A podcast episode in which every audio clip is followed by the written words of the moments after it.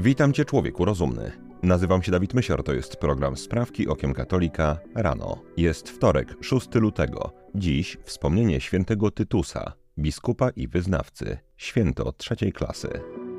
Wszystkie sprawy nasze prosimy Cię, Panie, natchnieniem Twoim uprzedzaj, a pomocą wspieraj, aby wszelka modlitwa i praca nasza od Ciebie się poczynała i przez Ciebie się kończyła. Przez Chrystusa, Pana naszego. Amen. Watykan. Pod koniec stycznia papież Franciszek udzielił wywiadu włoskiemu dziennikowi La Stampa. W trakcie rozmowy Ojciec Święty został zapytany o swoją opinię na temat przyjmowania dokumentu Fiducia Supplicans przez biskupów na całym świecie. Grudniowy dokument zezwalający na błogosławienie tzw. Tak związków jednopłciowych wywołał sprzeciw konserwatywnych biskupów, w dużej mierze pochodzących z krajów afrykańskich. Papież Franciszek skomentował to w sposób następujący.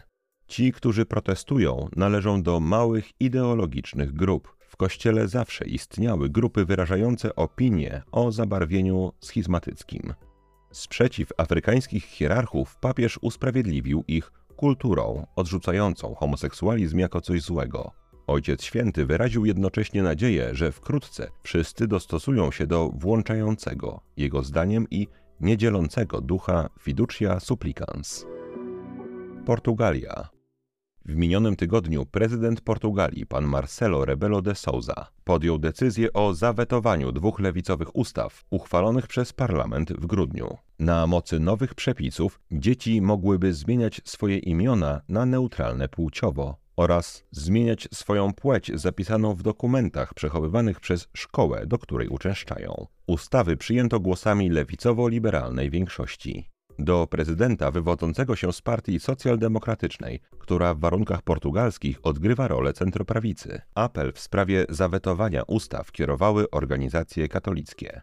W uzasadnieniu do decyzji o wecie dla nowych przepisów czytamy: Nowe przepisy są mało precyzyjne, nie zapewniają równowagi w poszanowaniu podstawowego prawa do wolności osób. Nie szanują też w należyty sposób roli rodziców w wychowaniu dzieci, a także ich wychowawców. Trzecia sprawka to krótka żywotów świętych, dawka. Dziś obchodzimy wspomnienie świętego Tytusa, biskupa i wyznawcy. O jego życiu wiadomo niewiele. Pochodził z grecko-rzymskiej rodziny zamieszkałej w pobliżu Antiochii Syryjskiej. W młodości poznał świętego Pawła Apostoła, który w roku 49 ochrzcił go i uczynił obok świętych Tymoteusza oraz Łukasza Ewangelisty jednym ze swoich najbliższych uczniów. Tytus towarzyszył Pawłowi w licznych podróżach oraz podczas Soboru Jerozolimskiego. Następnie Paweł wysłał go do Koryntu, gdzie miał nawracać Greków na prawdziwą wiarę. Apostoł narodów zaadresował jeden ze swoich listów właśnie do świętego Tytusa. List ten znalazł się w kanonie Pisma Świętego. Około roku 63 Tytus został ustanowiony biskupem Krety. Zmarł w wieku 94 lat w Gortynie, choć nie jest wykluczone, że poniósł śmierć męczeńską. Kościół czci go jako wyznawcę.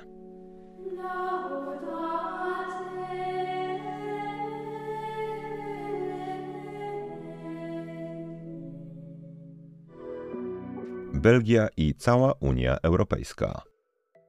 Jak informuje dziennik Gazeta Prawna, w obliczu trwających protestów rolników w wielu krajach Europy, urzędnicy Komisji Europejskiej są gotowi do ustępstw na ich rzecz. Strajki związków zawodowych rolników niezadowolonych z unijnej polityki klimatycznej z każdym tygodniem są coraz bardziej intensywne. Kością niezgody jest także polityka Unii względem Ukrainy, w związku z którą europejski rynek zalewa fatalnej jakości zboże. Komisja Europejska zaproponowała w związku z tym przedłużenie do czerwca roku 2025 ograniczeń w handlu z Ukrainą. Drugą zmianą, którą eurokraci proponują europejskim rolnikom, jest rezygnacja spowodowanego ideologią klimatystyczną wymogu pozostawienia 4% gruntów rolnych bez zasiewu. Rolnicy na szczęście zamierzają jednak dalej protestować. Największe strajki mają miejsce w takich państwach jak Niemcy, Francja, Belgia czy Holandia. To była sprawka czwarta, a po niej reklama, uwagi warta. Już za nieco ponad tydzień zaczynamy Wielki Post. W dobrym przeżyciu tego okresu może Ci, mój drogi słuchaczu, pomóc lektura książki, o której z pewnością słyszałeś, o naśladowaniu Chrystusa, Tomasza A. Kempis. Książka ta, poza Pismem Świętym, jest najbardziej popularnym dziełem literatury chrześcijańskiej w historii. Nadaje się doskonale do codziennych rozważań i modlitwy. Napisana w formie dialogu ucznia z niewidzialnym mistrzem, była ulubioną lekturą wielu świętych i mistyków, między innymi Ignacego Loyoli i Teresy z Lisieux. W czasie II wojny światowej wysyłano ją do obozów jenieckich i przemycano do obozów koncentracyjnych. Gdy rotmistrz Witold Pilecki po nieludzkich torturach siedział w katowni i wiedział, że nie ominie go wyrok śmierci, zalecał ją czytać swojej żonie. Pisał: Czytaj Tomasza A. Kempis, czytaj go dzieciom, to ci da siłę. Święty Franciszek Salezy powiedział o tej książce: Książeczka ta nawróciła więcej ludzi niż zawiera liter na swoich kartach.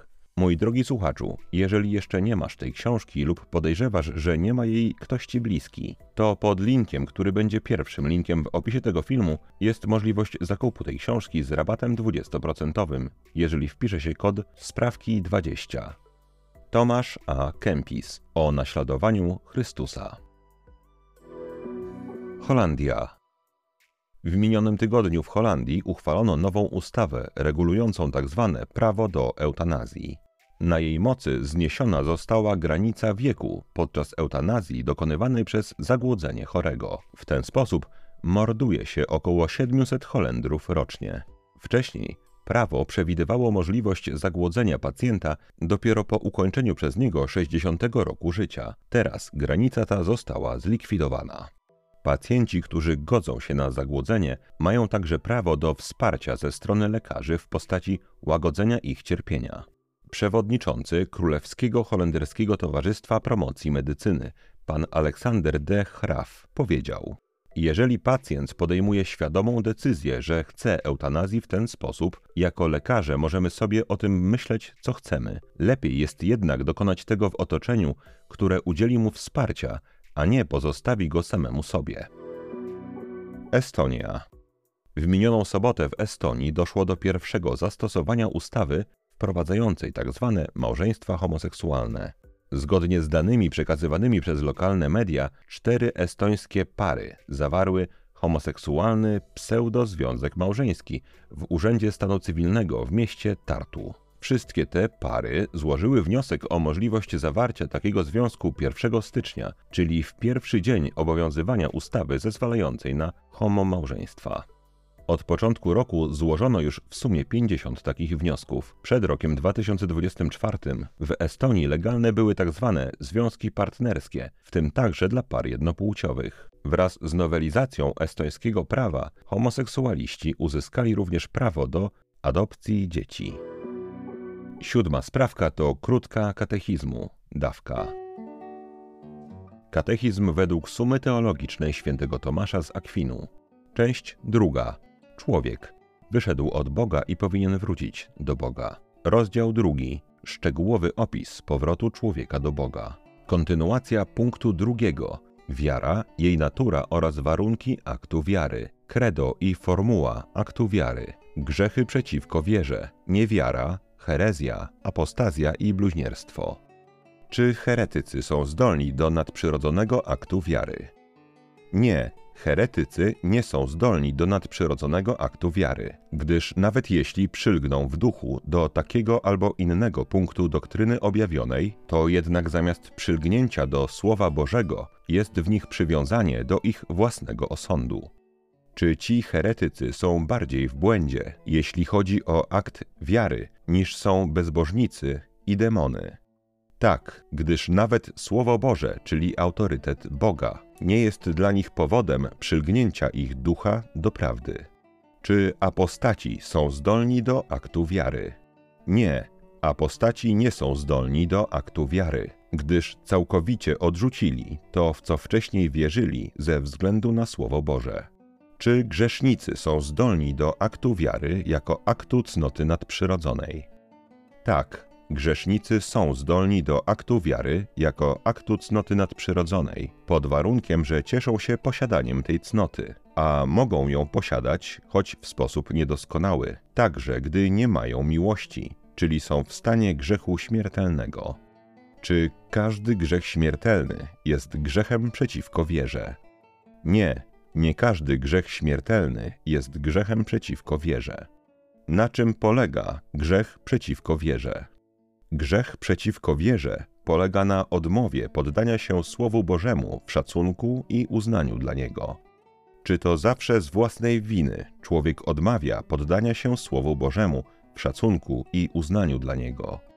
Tak, dzieje się to zawsze z winy człowieka, z tego powodu, że stawia on opór łasce uczynkowej, przy pomocy której Bóg zaprasza go do uczynienia tego aktu poddania się.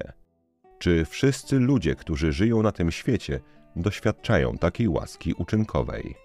Tak, wszyscy ludzie, którzy żyją na tym świecie, doświadczają takiej łaski uczynkowej, choć w różnym stopniu oraz według Bożego upodobania w ramach Jego opatrznościowych rządów. Czy posiadanie nadprzyrodzonej cnoty wiary jest wielką łaską od Boga? Tak, posiadanie nadprzyrodzonej cnoty wiary jest w pewnym sensie największą łaską od Boga.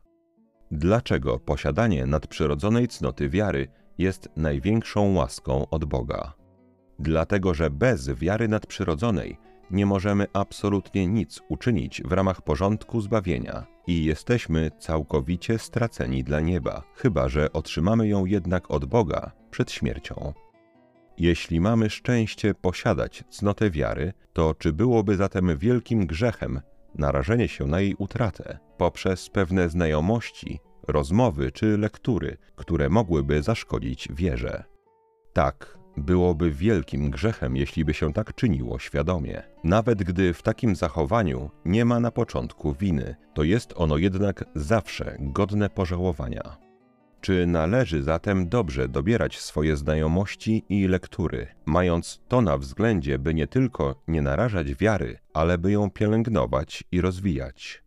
Tak, jest to rzeczą najważniejszą, szczególnie gdy na świecie, w którym panuje rozpasana swoboda mediów, może zdarzyć się wiele rzeczy, które będą niosły ze sobą niebezpieczeństwo dla wiary. Czy jest jeszcze jakiś grzech przeciwko wierze? Tak, jest to grzech bluźnierstwa. Dlaczego bluźnierstwo jest grzechem przeciwko wierze? Dlatego, że sprzeciwia się ono bezpośrednio zewnętrznemu aktowi wiary, który jest wyznaniem tej wiary za pomocą słów. Każde bluźnierstwo zasadza się na pewnych słowach obraźliwych dla Boga albo dla Jego świętych. Czy bluźnierstwo jest wielkim grzechem? Bluźnierstwo jest zawsze bardzo wielkim grzechem. Czy przyzwyczajenie do bluźnierstwa usprawiedliwia lub zmniejsza ciężar tego grzechu? Nie, wprost przeciwnie. Takie przyzwyczajenie dodatkowo zwiększa ciężar grzechu, gdyż zamiast pracy zmierzającej do poprawy, grzesznik pozwala, by zło jeszcze głębiej zakorzeniło się w jego sercu. Punkt trzeci. O darach Ducha Świętego. Od tego miejsca zaczniemy jutro. Stany Zjednoczone i Kościół. Były prefekt Kongregacji Nauki Wiary, niemiecki kardynał Gerhard Ludwig Müller, udzielił wywiadu amerykańskiej katolickiej stacji telewizyjnej EWTN. W trakcie rozmowy hierarchę zapytano m.in. o tradycyjną mszę świętą oraz o ograniczanie przez biskupów dostępu do niej. W styczniu ordynariusz diecezji Covington w stanie Kentucky, biskup John Eifert, odebrał możliwość odprawiania mszy trydenckiej dwóm podległym sobie kapłanom, którzy krytykowali nową mszę. Kardynał Müller skomentował to w sposób następujący. Niektórzy biskupi chcą powiedzieć do Ojca Świętego: Ukarałem tych ludzi, a teraz czekam na nagrodę awans, chce zostać arcybiskupem albo kardynałem, to dziecinne zachowanie. Choć kardynał Müller w pełni akceptuje nową mszę świętą, bagatelizując zagrożenia z niej wynikające, jednocześnie przyznaje, że ograniczanie dostępu do mszy trydenckiej rani wiernych do niej przywiązanych i powoduje u nich poczucie bycia lekceważonymi przez swoich biskupów. W rzeczywistości Zranione uczucia wiernych tradycji są jednym z mniej ważnych czynników w całej tej sprawie. Polska. W miniony wtorek minister sprawiedliwości i prokurator generalny pan Adam Bodnar po raz kolejny już opowiedział się po stronie ideologii LGBTQ i inne literki. Tym razem były Rzecznik Praw Obywatelskich zdecydował o wycofaniu złożonych przez swojego poprzednika, pana Zbigniewa Ziobrę, pytań skierowanych do Sądu Najwyższego w sprawie tzw. Tak zmiany płci. Pytania dotyczyły konieczności udziału małżonków lub dzieci, osób pragnących zmienić płeć w postępowaniu sądowym, a ich celem było utrudnienie tej procedury. Mimo, że problem został już wstępnie rozpatrzony przez część Izby Cywilnej Sądu Najwyższego, wniosek został wycofany przez nowego ministra. W komunikacie opublikowanym przez Kancelarię Prokuratora Generalnego czytamy: W ocenie Adama Bodnara Skierowanie tego wniosku miało utrudnić przeprowadzenie powyższej procedury. Planowano to osiągnąć poprzez udział w tym postępowaniu dodatkowych podmiotów, między innymi dzieci osób starających się o zmianę płci. Tego typu komunikaty pokazują, jak błyskawicznie stajemy się krajem neomarksistowskim. Tak, ewentualną zmianę płci przez osobę dorosłą należy utrudnić poprzez udział dzieci w tym postępowaniu przynajmniej wysłuchanie tych dzieci, lub też na każdy inny sposób utrudnić, ponieważ jest to bardzo ważna, nieodwracalna decyzja, już nawet pomijając to, że zawsze błędna. Pan Adam Bodnar nie pisze, dlaczego uważa, że nie należy utrudniać tej procedury. Pisze tylko, że nie będziemy jej utrudniać, ponieważ to utrudnia. Dokładnie taki poziom uzasadnienia znajduje się w tym komunikacie. Ostatnia sprawka to krótka rozprawka. Przeciętny współczesny człowiek zapytany o rolę Kościoła katolickiego w historii powinien według mnie udzielić uczciwej odpowiedzi: Nie wiem, nie znam się, nie interesowałem się. Tymczasem osoba taka bardzo często ma cały swój rozum wypełniony wieloma przeświadczeniami na temat roli Kościoła w przeszłości i powiedzieć, że raczej myśli o Kościele źle, to jest jak nic nie powiedzieć. I co więcej, często nie ma żadnych oporów, żeby o tym na głos mówić. Skąd w jej głowie wzięły się te przeświadczenia? Jestem przekonany, że nie dokonam żadnego uproszczenia, jeżeli powiem, że z filmów i seriali. Oto pięknie i harmonijnie rozwijający się świat, który kocha rozwój, wiedzę, sztukę, piękno i ta zakała, klechy, jak wody potrzebujące wsteczniactwa i ludzkiej ciemnoty, żeby móc wciskać ludziom te swoje niestworzone bajki, zabobony, oczywiście w celu ich kontrolowania i wykorzystywania. Myślę, że sam widziałem z dziesięć prawie identycznych scen filmowych czy serialowych, w których ktoś jest chory albo uległ wypadkowi. Nad pacjentem pochyla się jakaś postępowa, wyzwolona, taka po prostu dobra, mądra kobieta ze świata oraz klecha. Ona proponuje dobre, oparte na wiedzy, zdroworozsądkowe leczenie. Klecha proponuje jakieś metody zacofane. Gdy klecha postawi na swoim, pacjent zwykle umiera albo jest trwale uszkodzony. A na dodatek tę wspaniałą, mądrą medycznie kobietę pali się na przykład na stosie. Dobry i mądry świat kontra niezbyt dobry i bardzo zacofany kościół. I pomyślałem, że dziś, wychodząc naprzeciw człowiekowi współczesnemu, który świadomie lub nieświadomie przyjął poglądy Netflixa, za swoje własne. Wymienię kilka sposobów, w jaki zacofany Kościół szkodził rozwojowi, nauce i sztuce. Praktycznie wszystkie dzieła starych klasyków nie zginęły, gdy świat kulturalny zalało w średniowieczu barbarzyństwo, ponieważ w swych klasztorach przepisywali je mnisi i tym sposobem zapewnili ich przetrwanie do naszych czasów. Prawdopodobnie osiągnięcia Krzysztofa Kolumba mogłyby nie dojść nigdy do skutku, gdyby nie miał mapy, czyż nie? Tę, którą się posługiwał i jedyną, jaką miał. Narysował w roku 1450 mnich Fra Mauro. Idźmy dalej. Ktoś kiedyś podjął kontrowersyjną decyzję o tym, że w naszej cywilizacji zastąpi się w arytmetyce niezbyt wygodne i praktyczne liczby rzymskie cyframi arabskimi. Tę decyzję, wtedy kontrowersyjną, podjął papież Sylwester II.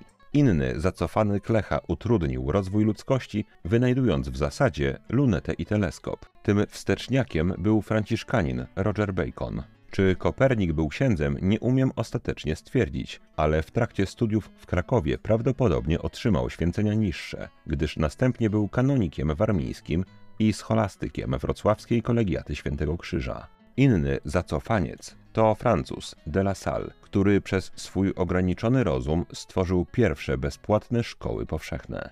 Gdy dobry świat chciał po raz pierwszy zająć się osobami głuchoniemymi, w zasadzie uniemożliwił mu to Kościół przez to, że zajął się nimi jako pierwszy przez hiszpańskiego księdza Pedro de Ponce. Można by tak wymieniać i wymieniać sposoby, w jakie Kościół wstrzymywał rozwój. Mnich Bertolt Schwarz wynalazł proch. Mnich Guido d'Arezzo skalę. Jezuita Secchi wynalazł analizę spektralną. Pytanie do ludzi mądrzejszych, ewentualnie bardziej dociekliwych ode mnie. Czy pierwszy piorunochron naprawdę wymyślił, tak jak podaje Wikipedia, Benjamin Franklin, czy już w roku 1754 mnich Prokop Divisz? Czy pierwszy balon wynalazł, jak pewnie znajdziemy w jakimś serialu Netflixa, niejaki Montgolfier, czy mnich Bertolt Guzman, który 60 lat wcześniej, w roku 1720, wobec całego dworu portugalskiego wzbił się balonem w powietrze.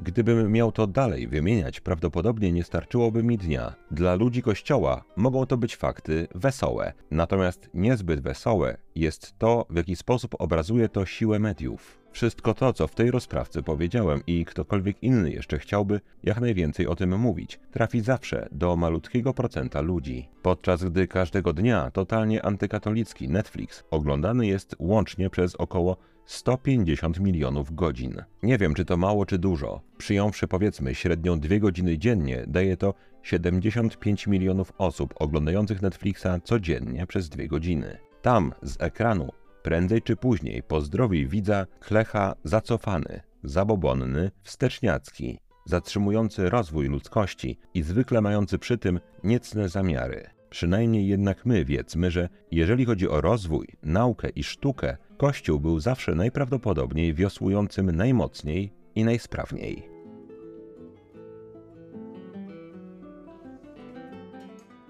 Maryjo, posłuż się mną dziś jak chcesz, wykorzystaj mnie jak chcesz, byle tylko choć jeden grzesznik zszedł z drogi zatracenia, poszedł do spowiedzi świętej i zwrócił się ku Panu Jezusowi. To na dzisiaj wszystkie sprawki okiem katolika rano. Jeżeli chcesz nam pomóc, daj proszę łapkę w górę pod tym filmem na YouTubie i napisz co najmniej pięciowyrazowy komentarz. Jeżeli chcesz wesprzeć zespół Sprawek Okiem Katolika finansowo, to szczegóły jak można to zrobić znajdują się w opisie tego odcinka. Wszystkim patronom bardzo dziękuję. Mój drogi słuchaczu, życzę Ci błogosławionego dnia. Święty Tytusie, módl się za nami. Człowieku rozumny, trzymaj się, nie łam się i bardzo Ci dziękuję za Twój czas. Mam nadzieję, że do usłyszenia jutro. Zostań z Panem Bogiem.